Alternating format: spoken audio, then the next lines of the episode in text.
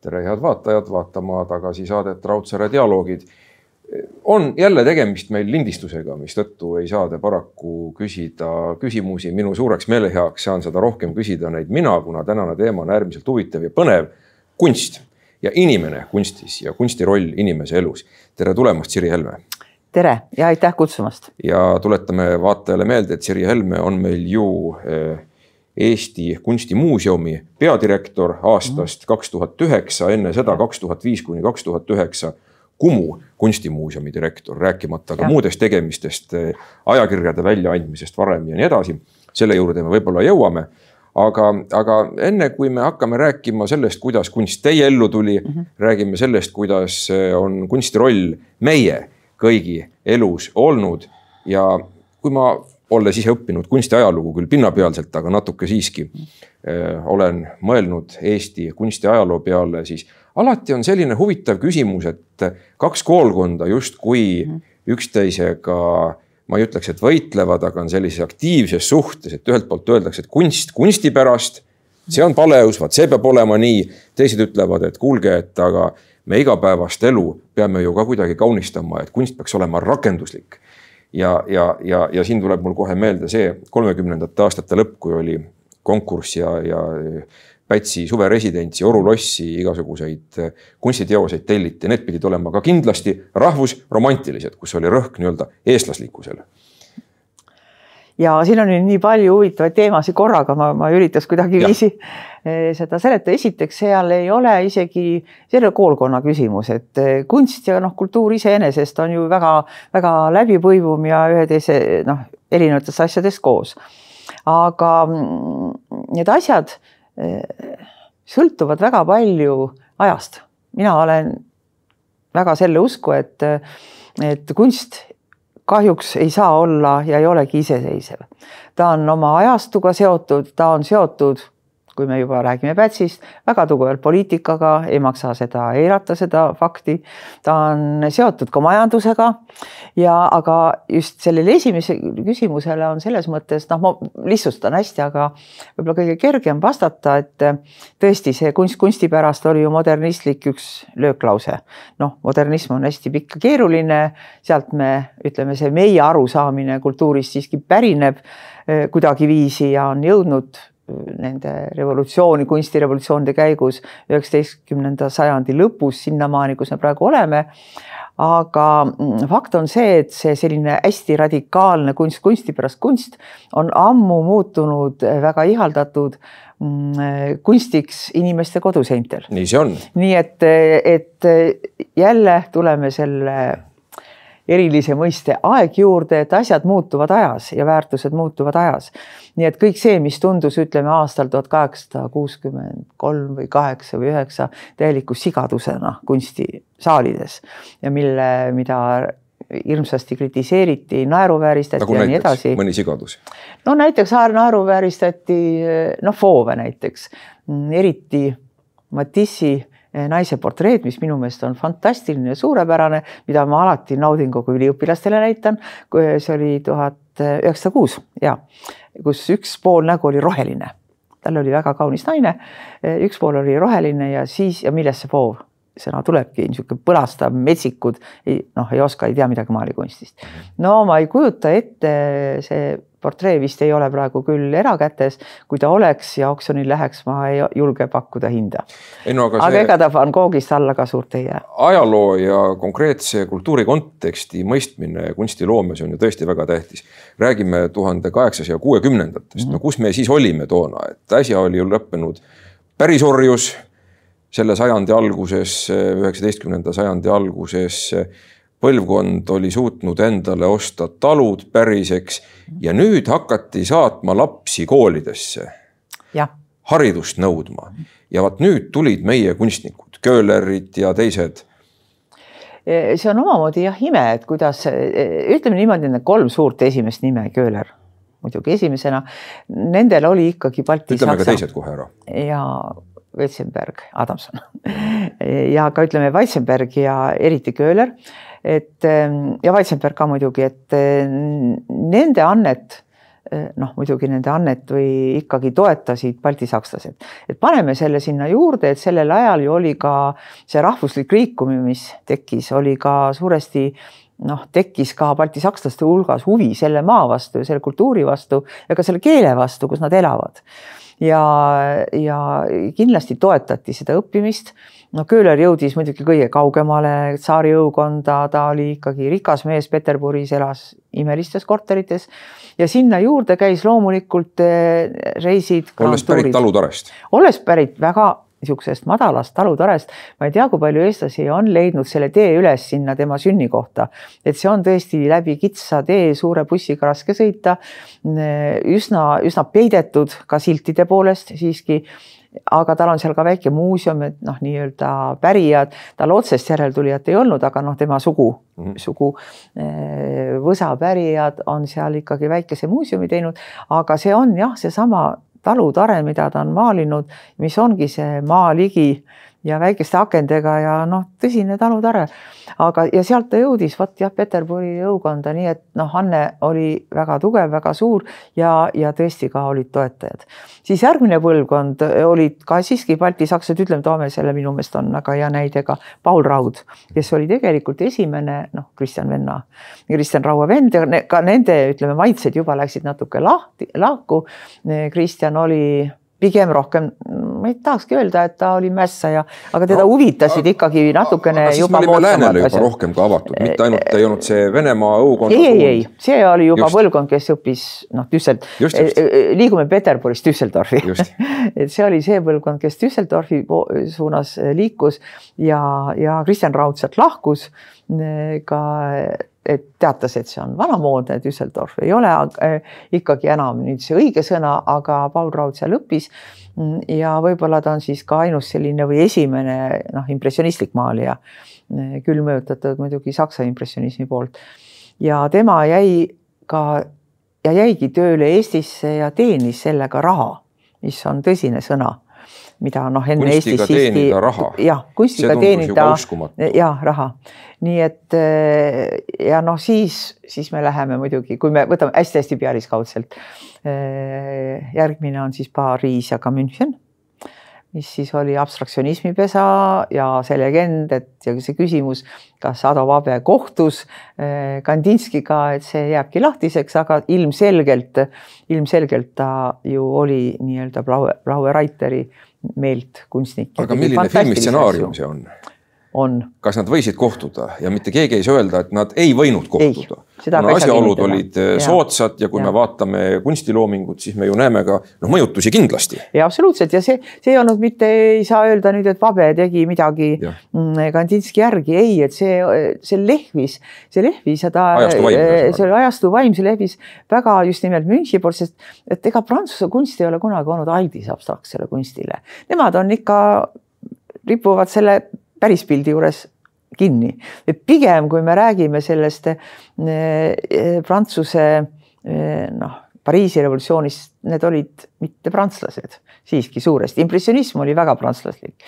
aga kõik, mis edasi hakkas seal toimuma, noh, eesotsas Pablo Picassoga, et see, seal oli hästi palju, hästi palju välismaalasi ja need niisugused noh mitte metsikud, aga mujalt tulnud ka Ida-Euroopast, ka Rumeeniast eh, tulnud kunstnikud siis ikkagi olid vast jah, eh, erinesid sellest nii-öelda prantslaslikust eh, peensusest. Picassol oli ikkagi sidemeid juba sürrealismiga, kuigi ta ei olnud ise otseselt sürrealist, aga tal oli natuke sidemeid, mis omakorda Eestis väga suurt kandepinda ikkagi ei saanudki, kuigi meil on olnud häid sürrealiste nagu Malin näiteks Ilmar Maalin, aga võib-olla ka siin ikkagi selline üleüldine aru, arusaam, et, et niisugune talupoeglik lähenemine, et kunst peaks olema ikkagi kuidagi emba-kumba, kas arusaadavatest asjadest ilusasti rääkiv, siis tõesti kunst küll kunsti pärast, aga ikkagi ilusad loodusmaastikud, ilusad inimesed või rakenduslik vaat ma ei arvan, et nad ei esitanud seda küsimust, kas sa oled rakenduslik või mitte, et kui noh, nüüd on vast kõige rohkem sellest seltskonnast Konrad Mägi uuritud, eks ju. et eh, noh, tema kindlasti seda eh, küsimust ei esitanud, tema ikkagi oli noh, veendunud kunstnik par excellence, et tal ei olnud küsimust, et nüüd mis sellest, tal oli vaja müüa loomulikult ja me peame ka ütlema, et ta tegelikult ei müünud halvasti. algus oli muidugi tõsiselt väga-väga-väga raske. see algus. külmetav ju... kunstnik nojah, see legend on kokku kõigi ja. selle modernismi esimese ja teise põlvkonna juures, et no ma ei oska öelda, muidugi nad külmetasid seal Pariisis, see oli nagu päris kole elamine ja kuidas siis oligi õige minna ju muuseumitesse, seal sooja saada. see elu oli täiesti teistsugune, et ma arvan, et ega praegu ka ei ole kerge Pariisis läbi lüüa ikkagi noorel kunstnikul no ma ei, ma ei, ma ei oska öelda külmetamise kohta midagi, aga eh, kerge see kindlasti ei ole, sest see on linn, mis on täis head kunstniga häid kunstnikke ja, ja läheme Londonisse edasi veel hullem. veel paremad, noh, vabandust, nii ei saa öelda, et paremad kunstnikud, aga veel intensiivsem kunstielu. nii et see kõik on segatud. ma arvan, et eh, ikkagi see Pariis oli see kooli koht, kuhu mindi õppima, see oli see koht Euroopas, kuhu eh, noh mitte ainult eestlased, kuhu, kuhu tuli minna, see oli kunstilinn ja seda ei mõelnud eestlased välja, sinna läksid ju kõik absoluutselt üle Euroopa. nii et kuni teise maailmasõja lõpuni, kui New York selle positsiooni üle võttis, ikkagi oli Pariis, kuhu, kuhu mindi ja kus tuli läbi lüüa. ja ega see mehhanism ka tänapäeval nii väga muutunud ei ole, ükskõik mida me siin räägime. koht võib-olla on teine, aga mehhanism on sama. Eh, mehhanismid on samad, et eh, just, et on teatavad kohad, on teatavad äh, linnad, kus sa kus tahaks nagu kuidagiviisi esi-, noh, olla galeriis kusagil noh, rääkimata siis, et sa oled noh, kuidagi ostetud, su töö on, millele ka meie kaasa aitasime, on Teitis siiski Anu Põdra üks skulptuur, millel olid noh, vormid olemas, mida sai korrata lihtsalt nii et äh, aga põhimõtteliselt on Eesti kunstnike töid küll äh, ju Euroopas laiali. ma arvan, et Adenaumis või noh, nii-öelda Kiasmas, mm. neil on samamoodi nagu meil, et suur nii-öelda Soome Rahvusgalerii, aga siis erinevad, erinevad äh, harud. et vist üks esimesi töid, mida ostsid, oli Jüri Okase Eh, vabandust, Jaan Toomiku, Jaan Toomiku üks jah, video performance. no Toomikul on väga võimsad videoinstallatsioonid ja kui ma räägin iseenda kunstikogemusest, mis mind on väga võimsalt mõjutanud, see ei ole nüüd küll Eesti kunst mm, -hmm. see oli aasta kaks tuhat neli Orhusi kunstimuuseumis Pilviola oh,. Videoinstallatsioonide näitus, mis ja. oli väga eksistentsiaalne ja. ja väga huvitav, aga kui ma siit nüüd korraks lähen tagasi selle Eesti kunsti ajaloo juurde, mhm. Eesti kunstigeneesi mhm. juurde, et me jäime pooleli siin teise maailmasõja eel oma lühikese ekskursiga, mhm. pinnapealse ekskursiga, aga siiski, et nüüd tuli sõda tuli peale. osa kunstnikke emigreerus, eriti nelikümmend neli, nelikümmend üks vist veel mitte nii palju. nelikümmend neli, neli, enne seda läks ära Viiralt, tal õnnestus eh, juba nii-öelda Saksa, Saksa okupatsiooni ajal eh, minna ära, et Viinis on näitus ja muidugi ta ei tulnud tagasi aga nelikümmend neli oli see suur laine ikka jah mm. -hmm. ja ma pean küll ütlema, me kaotasime väga haruldasi kunstnikke, et just noh, näiteks kasvõi see näide, et kolmkümmend üheksa, kes lõpetas Haamer Kõks. Haamer. just ja no mõlemad läksid ära, kusjuures neist oodati, ma ei tea, mis ime ja Haamer, Haamer oligi oma ime noh, ta oligi ime ja, ja see, mis ta Eesti kunstile tegelikult on minu meelest üks võimsamaid siiski kunstnikke ja just oma filosoofiliselt eh, diapasoonilt ja ka noh, ütleme sellest kompositsioonist ja maalist, et ta, ta, ta tõesti kõneles, kõneles kuidagi üle, mm, üle selliste detailide, kuigi ta maalis väga hästi detaili. ja me kaotasime, ta, no mitte midagi ei ole teha, kui sa lähed Rootsi, siis sa maalid, et omal ka hinge sees hoida, nii nagu ette nägi viiekümnendate abstraktsionismi laine siis ta on. seda, mida inimesed ja, ostavad ühesõnaga. kõks eriti jah, sai, oli ja. väga osav selles e. E e, e ega Haamer ei olnud väga osav selles abstraktsionismi laines mm. -hmm. aga no mulle tuleb meelde üks tema suur maal, mis kujutas ette suvitajaid ja,. jah, jah. väga-vägagi hämmastav ja, ja. kompositsioon ja, ja ja selline detailirohkus. jah, no ta, ta on ka ise öelnud, et ta oli ka natuke irooniline oma periooni ja. suhtes ja nad noh, kui sai, siis toppis sinna groteski ka vahele. nii et noh, ta oli ju tark kunstnik. aga noh, kunst arenes vaatamata okupatsioonile edasi ka kodu-Eestis mm.. oli ka siin häid kunstnikke, neid kasvas ka peale no eks siin samamoodi nad pidid hoidma endal hinge sees selliste natuke kahtlasemate taiestega aga tehti ikkagi ka sellist kunsti, mis on väga-väga ajale niimoodi vastu pidanud.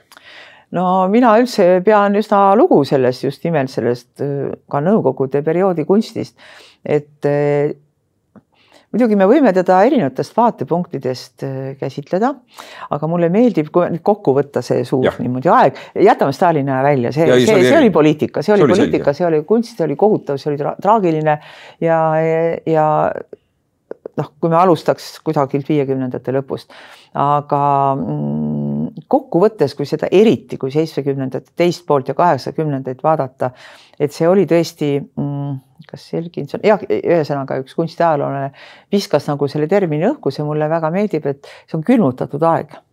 Ühesõnaga, kui kogu Euroopa ja Ameerika ka eesotsas loomulikult eh, oli juba kuuekümnendatel aastatel teinud suure pöörde, loobunud sellest nii-öelda modernismi eh, jäänustest, mis olid, tulid nii-öelda abstraktsesse kunstiga, Ameerika abstraktsionismiga ka Euroopasse, siis tehti see niisugune väga radikaalne muutus siis meil ju tegelikult just nimelt need kuuekümnendate teine pool ja seitsmekümne, kaheksakümnendad olid see niisugune väga-väga kõrgetasemeline maalikunst. ja, ja just nimelt kusagil kaheksakümnendate aastate algul või kusagil seal vist oligi kaheksakümmend, kui Eevi Pihlak juba küsis väga hea kriitikuna ja kunstitundjana, kas Eesti kunst on valmis, et ta ei näinud mitte mingit võimalust, kuidas edasi areneda mm. -hmm. sest et ütleme, see tehniline tase oli niivõrd, niivõrd kõrge, niivõrd kõrge mm -hmm. ja, ja samas sa olid nagu sunnitud või noh, ütleme kahe, sa olid kitsasse tegelikult kanalisse sunnitud, mis ka ikkagi, kui ma vaatan praegu tagantjärgi noh, ütleme meie tippmaalijaid nagu Tiit Pääsukest ja ja Palmi ja Olev Subit ja kes seal noh, nad olid, noh, seal on palju nimesid veel, nad olid nagu tegelikult surutud väga kitsasse sängi.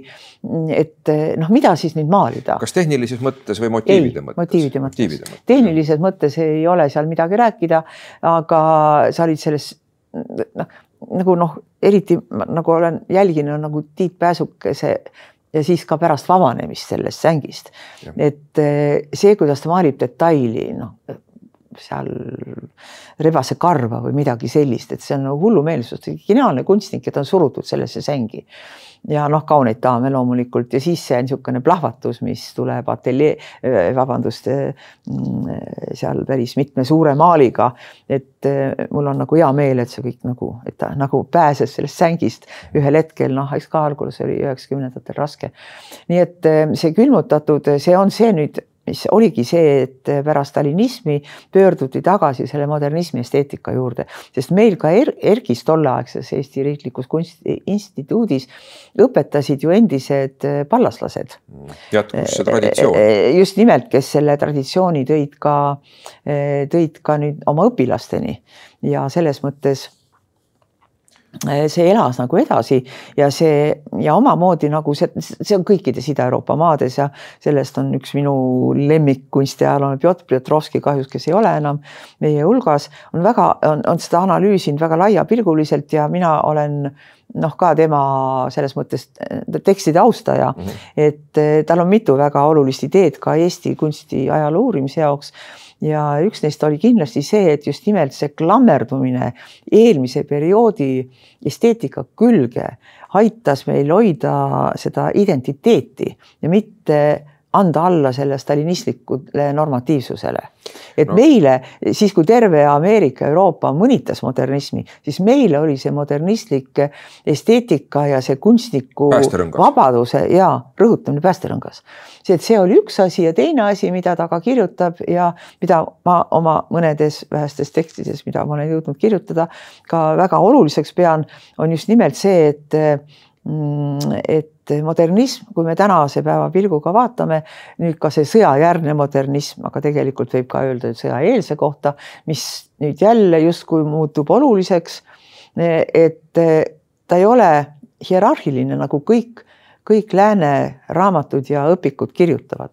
Pariis ja sealt lähevad lang-, noh, lained laiali ja jõuab provintsi ja provints siis nagu kopeerib seda Pariisi. et see ei ole niimoodi, et tegelikult modernism on horisontaalne hoopiski, me vaatame eh, seda, me peame käsitlema seda horisontaalse kunsti ajaloona, sest iga paik lisaks ajale on ka paik väga tähtis, lisab oma mingisuguse hinguse sinna ja, ja kui me räägime juba modernismist Indias, siis, siis Indial on oma, oma modernism. Eestis on see väga tajutav näiteks päris mitme liikumise juures ja Eesti modernismi iseloomustabki just nimelt mitte pariislik inimene ja see, mis seal toimus, Renoir näiteks, vaid loodus nii et me peame seda eraldama ja mulle väga meeldib see horisontaalne dimensioon, mis on minu jaoks väga oluline. Ja ainult sellise metoodikaga me saame ka oma kunsti analüüsida.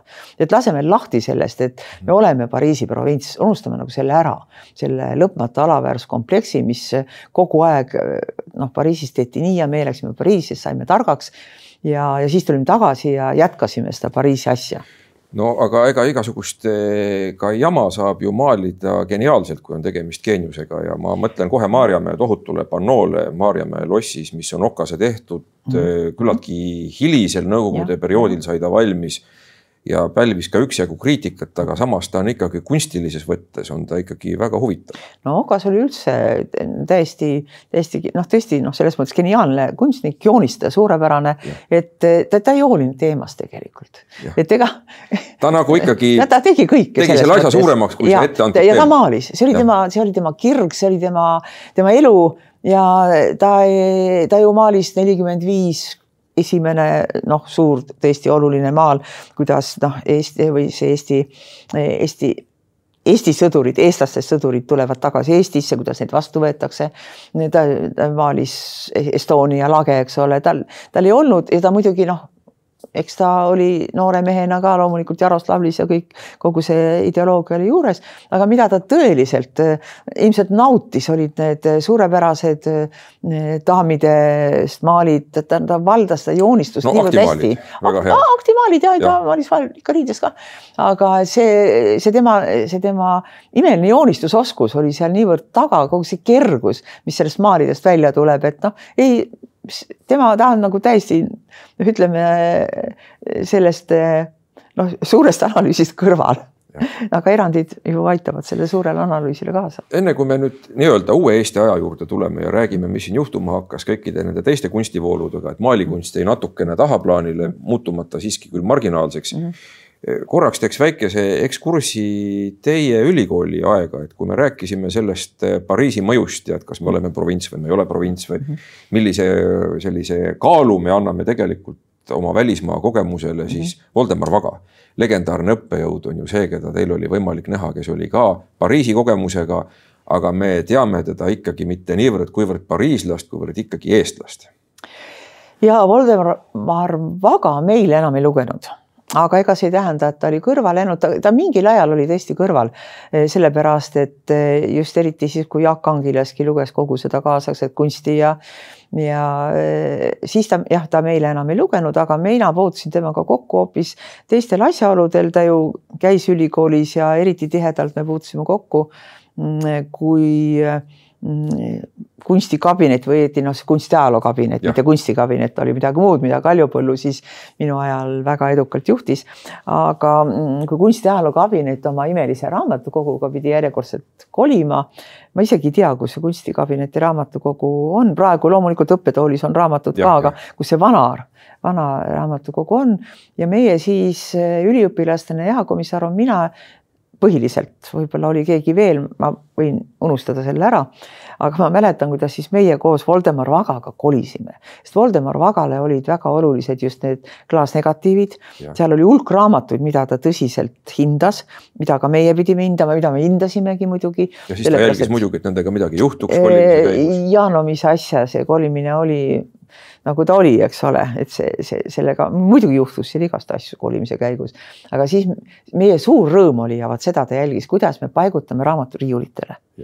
kus on süsteem ja, ja kas noh, on kõik õigesti tehtud. Ja me noh paratamatult selle vestluste ja jutuajamiste käigus ja, ja ka selle ruumi koristamise käigus oli meil palju toredaid vestlusi tema Pariisi mälestustaga. selge on see, et Vaga oli absoluutne frankomaan selles mõttes, ta, ta, ta, ma mäletan isegi mm, just, et see oli normaalne ja ka teised õppejõud nüüd, kes meid juba ka seda, ütleme, hiliskootikat ja kõike seda õpetasid, oli normaalne, et sa eristad ütleme seal mingit üheksat koolkonda Lõuna-Prantsusmaa mm -hmm. skulptuuris, kuidas käed või jalad on, et kui seda ei teadnud, siis sa ikka nagu ei kvalifitseerunud, et selles mõttes see on nii paradoksaalne, me polnud ükski käinud Prantsusmaal. aga ta aitas siis kolida ja koristada. tema aitas isegi, kolida ja noh, ta koristada noh, selles mõttes aitas, et ta jah, tõi tõepoolest oma imelised prantsuse aegsed särgid ilmselt sinna tolmulappideks, aga noh, parem oli, kui ta nagu ees ei oleks seal koristamisel.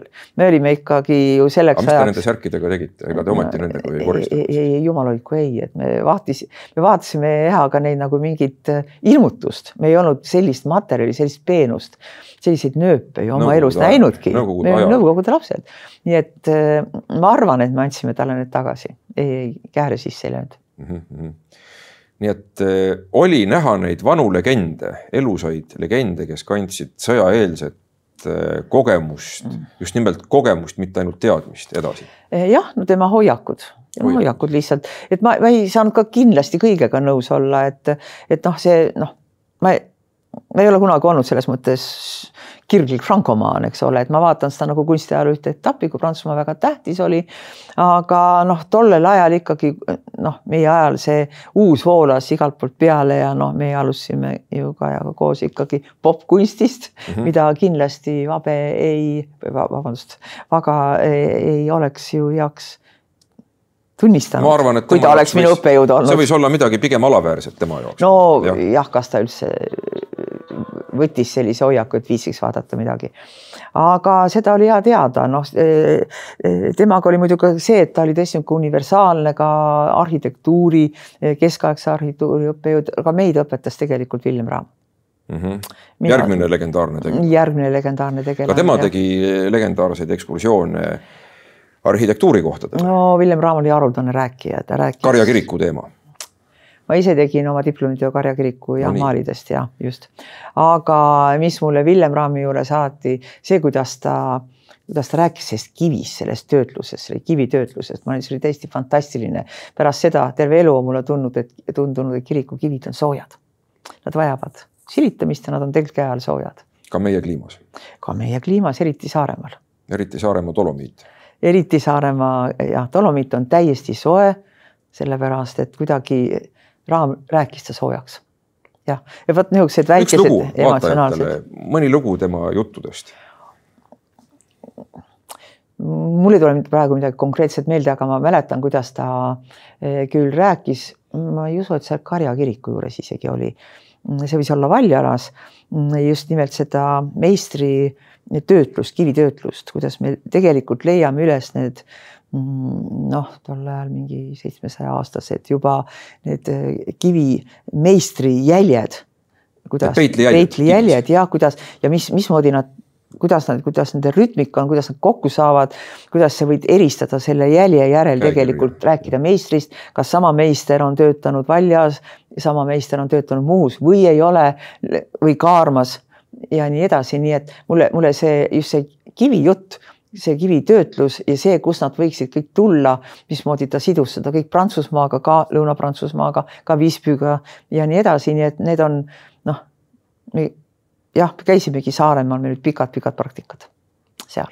ja hämmastav, kui mõtlema hakata, kuidas peitli jälgede järgi me võime näha sidemeid Euroopas, Eesti ja Prantsusmaa ja muude riikide vahel, aga nüüd ja me läksime Euroopasse tagasi, kus me küll olime olnud, aga poliitilises mõttes me tulime kaardile tagasi üheksakümne esimesel aastal mm. -hmm. ja mingis mõttes toimus ju kontaktide plahvatus, samas küll paraku ka vaesumine. et toona me olime väga-väga vaesed, ma mäletan seda ise väga selgelt, kui vaesed me olime aga noh, mis siis ikka, ega külmetav kunstnik tegelikult ei vaja muud kui lõuendit ja pintslit. tegelikult või? eks ta vajab süüa ka. no süüa natuke ka. tegelikult ma praegu ühe asja ette ütlen ära selle maalikunsti noh, nii-öelda muutuse languse kohta, see algas kaheksakümnendate teisel poolel juba peale, kui. juba enne iseseisvumist. ja juba enne iseseisvumist ja seal toimusid väga sellised tugevad protsessid nagu paralleelselt, ühelt poolt loomulikult ega maalikunstnik, kunst halvemaks läinud, ta oli täpselt sama hiilgav nagu enne, peale selle kaheksakümmend kuus liitus sinna täiesti uus nähtus Eh, mida tekitas rühm T, Raul Kurvits, Urmas Muru, selline vaba, suur, ekspressiivne maal, eks ole. jälle olid arhitektid mängus nagu ka kuuekümnendatel, kuuekümnendate lõpus, kui SUP tekkis, need olid ju disainerid ja arhitektid seal, eks ole. ja aga samal ajal tekkis just selline mm, teised, ütleme see maalikunst, mis oli olnud tipus kogu aeg, absoluutselt mm, -hmm. kui me räägime kunstist, see on maalikunst. et siis tekkisid ka järsku tema kõrvale uued nähtused, mis võtsid nagu tähelepanu endale ja noh, ka tol ajal noore kriitikuna mind hakkasid need huvitama palju rohkem kui see, mis on kogu aeg teada, mida ma olen näinud, mida ma näen, mis on huvitav, mis on suurepärane.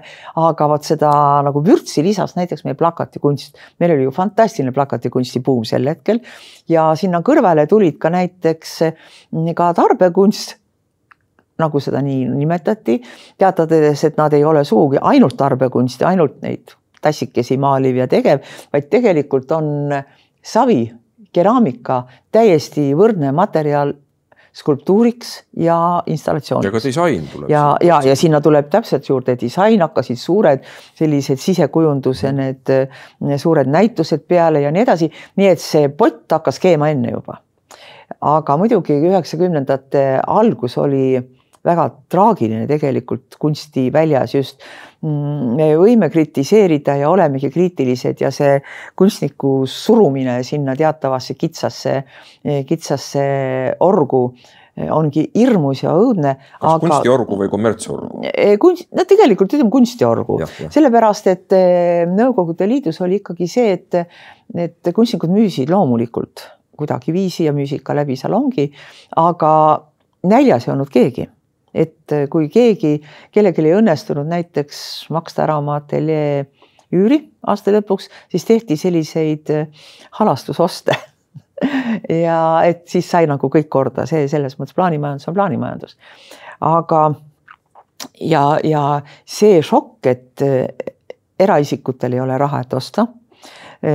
kunstimuuseum oli täpselt sama vaene kui eraisikud, kultuuriministeerium täpselt sama vaene kui kunstimuuseum, ühesõnaga e, e, ei olnud üldse enam raha liikumas, noh, mingid eragaleriid, Vaal oli muidugi esimene eragalerii juba vist kaheksakümmend üheksa avas ennast, aga noh, see ei olnud, ta ei saanud noh, meil, meil tegelikult ju on nüüd tekkimas kunstiturg Mm -hmm. me oleme ka noh, ka praegu väiksed ja, ja see kunstiturg ei saa rahustada ja rahuldada kõiki kunstnikke, aga see on nagu plahvatuslikult praegu noh, ikkagi need ka Tartu oksjonid ja noortekunsti oksjonid ja e, suured e, maalikunsti sügisnäitused, mida müüakse. no rääkimata ka... päris tipust, kui me no, mõtleme, mis jah, on siin jah. ikkagi pallaslaste maalide hinnad. no täpselt jah, just, nii et see on Mägi. praegu tekkimas, aga sellel Subi. hetkel noh, Mägi nüüd ületas viimaste, viimaste ostude-müükidega nüüd ikkagi jälle kõik, aga, mm, aga ma tahan selle kohta öelda, et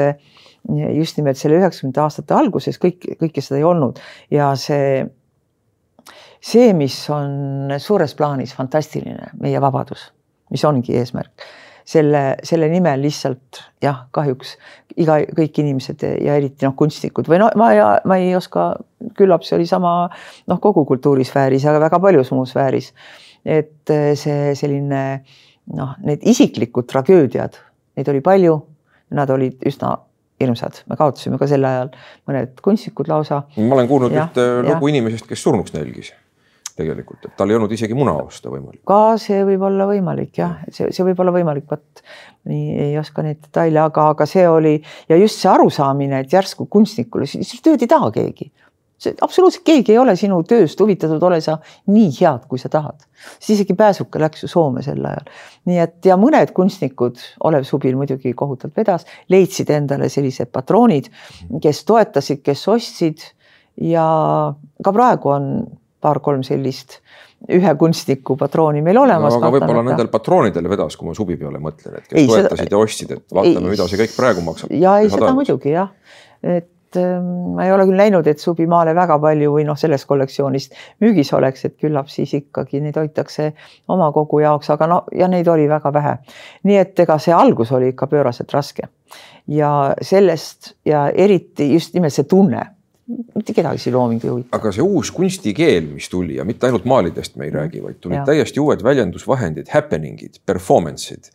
E, mulle tuleb meelde üks väga selline hirmuäratav mm.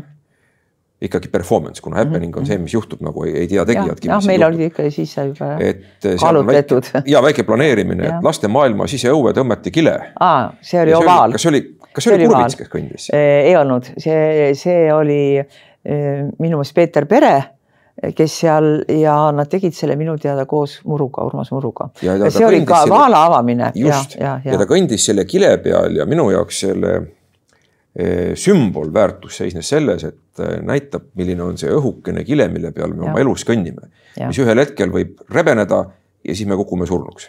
see jah, need performance'id hakkasid ka jube. muide kaheksakümnendate keskelt ja. peale ja no meil on enne ka neid ja jälle, eks ole, kuuekümnendate lõpus ja mhm. hakkas peale seal Erki teatriga ja millega kõik aga mm, see hakkas ka peale just kaheksakümnendate ja ta, tema tipp oli kusagil kaheksakümnendate lõpus, ma ütleksin selle ja selle üks fenomen koos selle näitusega Struktuur ja metafüüsika, mis soomlased tegid ja kus siis ka meie performance kunstnikud esinesid. meil oli siis ikkagi eh, ju noh, Annus oli kogu aeg teinud, Siim-Talen Annus performance eid, siis ähm, tegi Jaak Arro mõned mm, -hmm. mõned väga sellised noh, sümbo-, sümbolistlikud või ka metafüüsilised või sellised natuke müstikaga seotud ja kõik sinna kuulusid ka sellised jalutuskäik mere äärde, meres üles ehitatud konstruktsioonid. ja siis, ja siis lisandusid, lisandus sinna muidugi Kurvits ja Kurvits ja Pere ja Muru ja nende performance'id olid eh, põhimõtteliselt vägivaldsed, vägivaldsed iseenese vastu. Nende see, see konflikt, selle niisuguse noh, see võis olla ka ju ka selline tõesti noore mehe raev mm -hmm. maailmas, mitte et ta kedagi otseselt ründaks, aga ta ründabki seda elu ennast ja kogu seda niisugused või ja nad muidugi olid, eriti Kurvits oli seotud ka eh, Saksa sellise noh, sellise just nimelt kaheksakümnendate lõpus tekkinud selle Saksa mm, ka rokkmuusikaga ja performance itega ja selliste uute tendentsidega, kus oli see vägivald üsna, üsna olemas. Nii et eh, see Ovali mida nüüd siin näiteks oli toodud, et see oli väga tüüpiline sellele ajastule.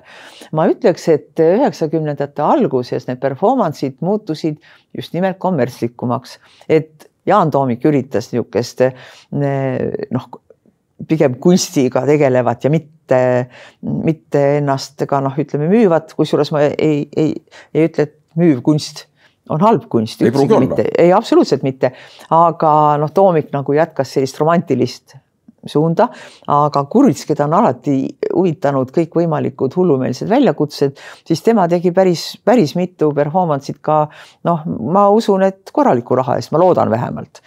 nii et see nagu hakkas, aga siis see performance'i kultuur tegelikult mm, koos ka selliste video performance idega ja nii edasi, ta hakkas kusagil üheksakümnendatel alla käima või no mis ta alla käima, ta võib olla ammenduma, jah, see on õigem sõna. kõik asjad on ära tehtud justkui. no ühesõnaga, aga video võttis selle üle, kaheksa, üheksakümnendate keskel võttis video selle üle, siis tulid sellised noh, tõesti Toomik ja Ene-Liis Semper ja nad, kogu see performance'lik element läks sinna videotesse, sest tegelikult video ju baseerub. no läks muidugi. seal tehti ka igasuguseid hulle, hulle asju. Ja, mõnikord sa vaatad seda, mõtled, et mis vahe nüüd nagu selle ja hulluse vahel ja seal on üks vahe, see on kunst.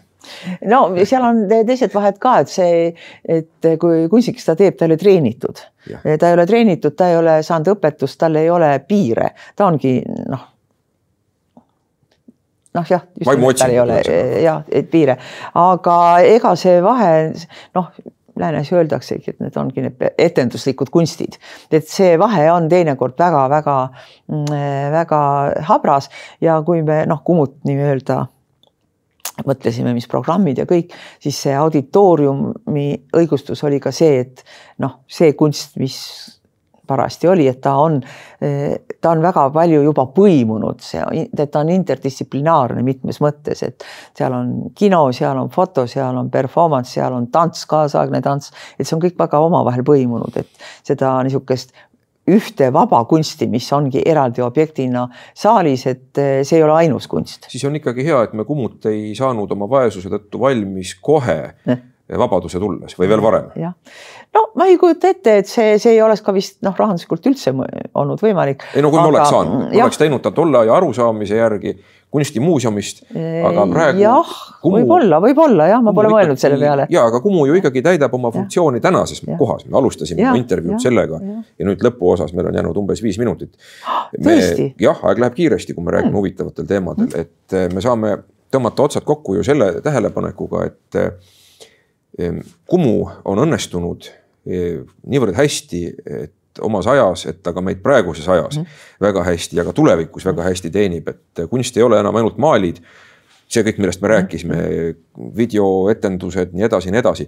aga siiski, kui me kunsti juurde tagasi tuleme, maalide juurde tagasi tuleme, et minu meelest ka praegu on Eesti kunstielu väga rikas absoluutselt, absoluutselt, ma olen nõus, et me noh, me üritame ka seda muuseumis kogu aeg seda juurde võtta. Eh, noh, näidatagi see, et noh, all on Jeremy Shaw, eks ole, ja, ja, ja üleval on hoopis midagi muud ja loom-, me oleme nii palju teinud ka seda tehnoloogiat ja IT-d ja, ja teadusest rääkinud ja kunstist ja me läheme selles suunas edasi. nüüd tulevad jälle uued teemad ja, ja kunst Eestis on praegu rikas, hästi palju on noori kunstnikke ja maalikunsti kohta ma ütleksin ikkagi ka seda, et et ta, ta on tagasi tulemas, et ta, ta ei ole üldse enam noh, et sa oled noh, et me maalikunstiga ei tegele, sest maalikunstil on niivõrd palju võimalusi veel ikkagi edasi, edasi areneda ja noh, kui ma vaatan ka neid, ütleme neid kogu aeg seda, mis läänes, millised näitused avatakse, noh, need lingid ju saadetakse kogu aeg, et, et ikkagi maalikunst on väga oluline. nii et ei ole see modernism midagi ammendunud? Ei ta ole ammerdunud, ammendunud midagi, et on olnud kaks suurt, ikkagi minu jaoks on olnud kaks suurt muutust pärast renessansi ja see on just nimelt see üheksateistkümnenda sajandi modernismi algus, uus aeg, uus tehnoloogia, uus majandus, kõik. ja siis see teine, mis on nüüd tulnud uue, mm, uue virtuaalse ruumi ja tehnoloogiaga. kuhu see välja viib, mis sellega juhtub, see on alles poolel teel. no üks küsimus, mis mind veel on vaevanud, see on see, et kui no me rääkisime külmetavast kunstnikust siin mm -hmm. mitmel mhm, korral, et mm -hmm. aga kui see kunstnik on nüüd higistav, et kui on elu liiga hea, et mm -hmm. kas siis kunst ei mandu, tundub, et vist ikka ei ole see nii, et vastupidi, et see Maslow püramiidi jalam on ilusti kõik olemas, põhivajadus on kaetud ja siis saab tegeleda tõesti selle püramiidi tipu ja, ja kõrgete kunstidega? ma ütleks niimoodi, et siin on nagu kaks asja, üks on nagu ühiskonna poolt vaadatus ja, ja selliste noh, nagu ma näen, mis ka praegu, millest ka te, tegel-, räägitakse, kunstnikul ei ole raha, neil ei ole sotsiaalseid garantiisid. no ta vajab rohkem raha niimoodi ja riik peaks seda nagu garanteerima ja nii edasi ja nii edasi. nii et seda nüüd loota, et üks kunstnik ütleb, et pole, pole vaja raha kunstielule, see, seda ei ole maksa loota kunagi aegade lõpuni. Mhm.